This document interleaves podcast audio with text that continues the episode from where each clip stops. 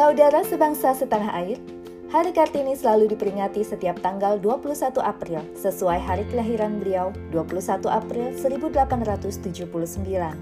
Sosoknya yang menginspirasi banyak wanita tidak hanya di Indonesia tetapi juga di dunia barat ini memiliki sisi lain yang tidak banyak diketahui masyarakat luas.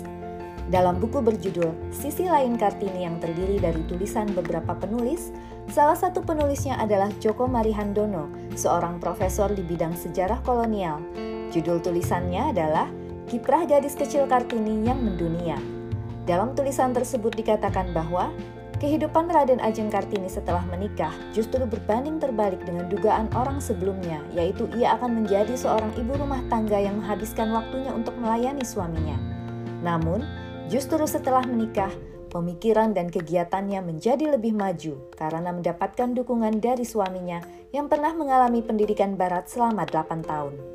Kondisi inilah yang memajukan kegiatannya, khususnya dalam memajukan pendidikan guna meningkatkan derajat kaum wanita dan bangsanya. Di Jepara, Raden Ajeng Kartini hanya mengenyam pendidikan dasar. Ia menerima pendidikan lebih sedikit dibandingkan dengan adik-adiknya, karena pada masa kecilnya tenaga guru hampir tidak ada.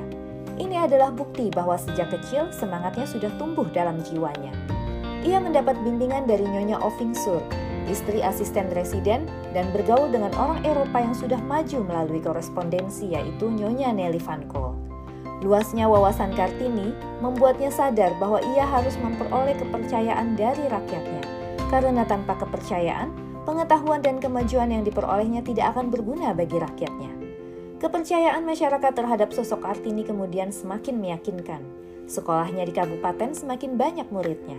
Tidak hanya itu, banyak juga tukang ukir yang bergabung dengan sanggar yang didirikan oleh Kartini dan mengembangkan model-model ukiran yang kualitasnya diakui dunia. Buku ini telah diterbitkan sejak tahun 2017 oleh Museum Kebangkitan Nasional Kementerian Pendidikan dan Kebudayaan Republik Indonesia. Melalui buku ini, kita dapat lebih mengenal sisi lain sosok Kartini. Demikian informasi peristiwa bersejarah hari ini.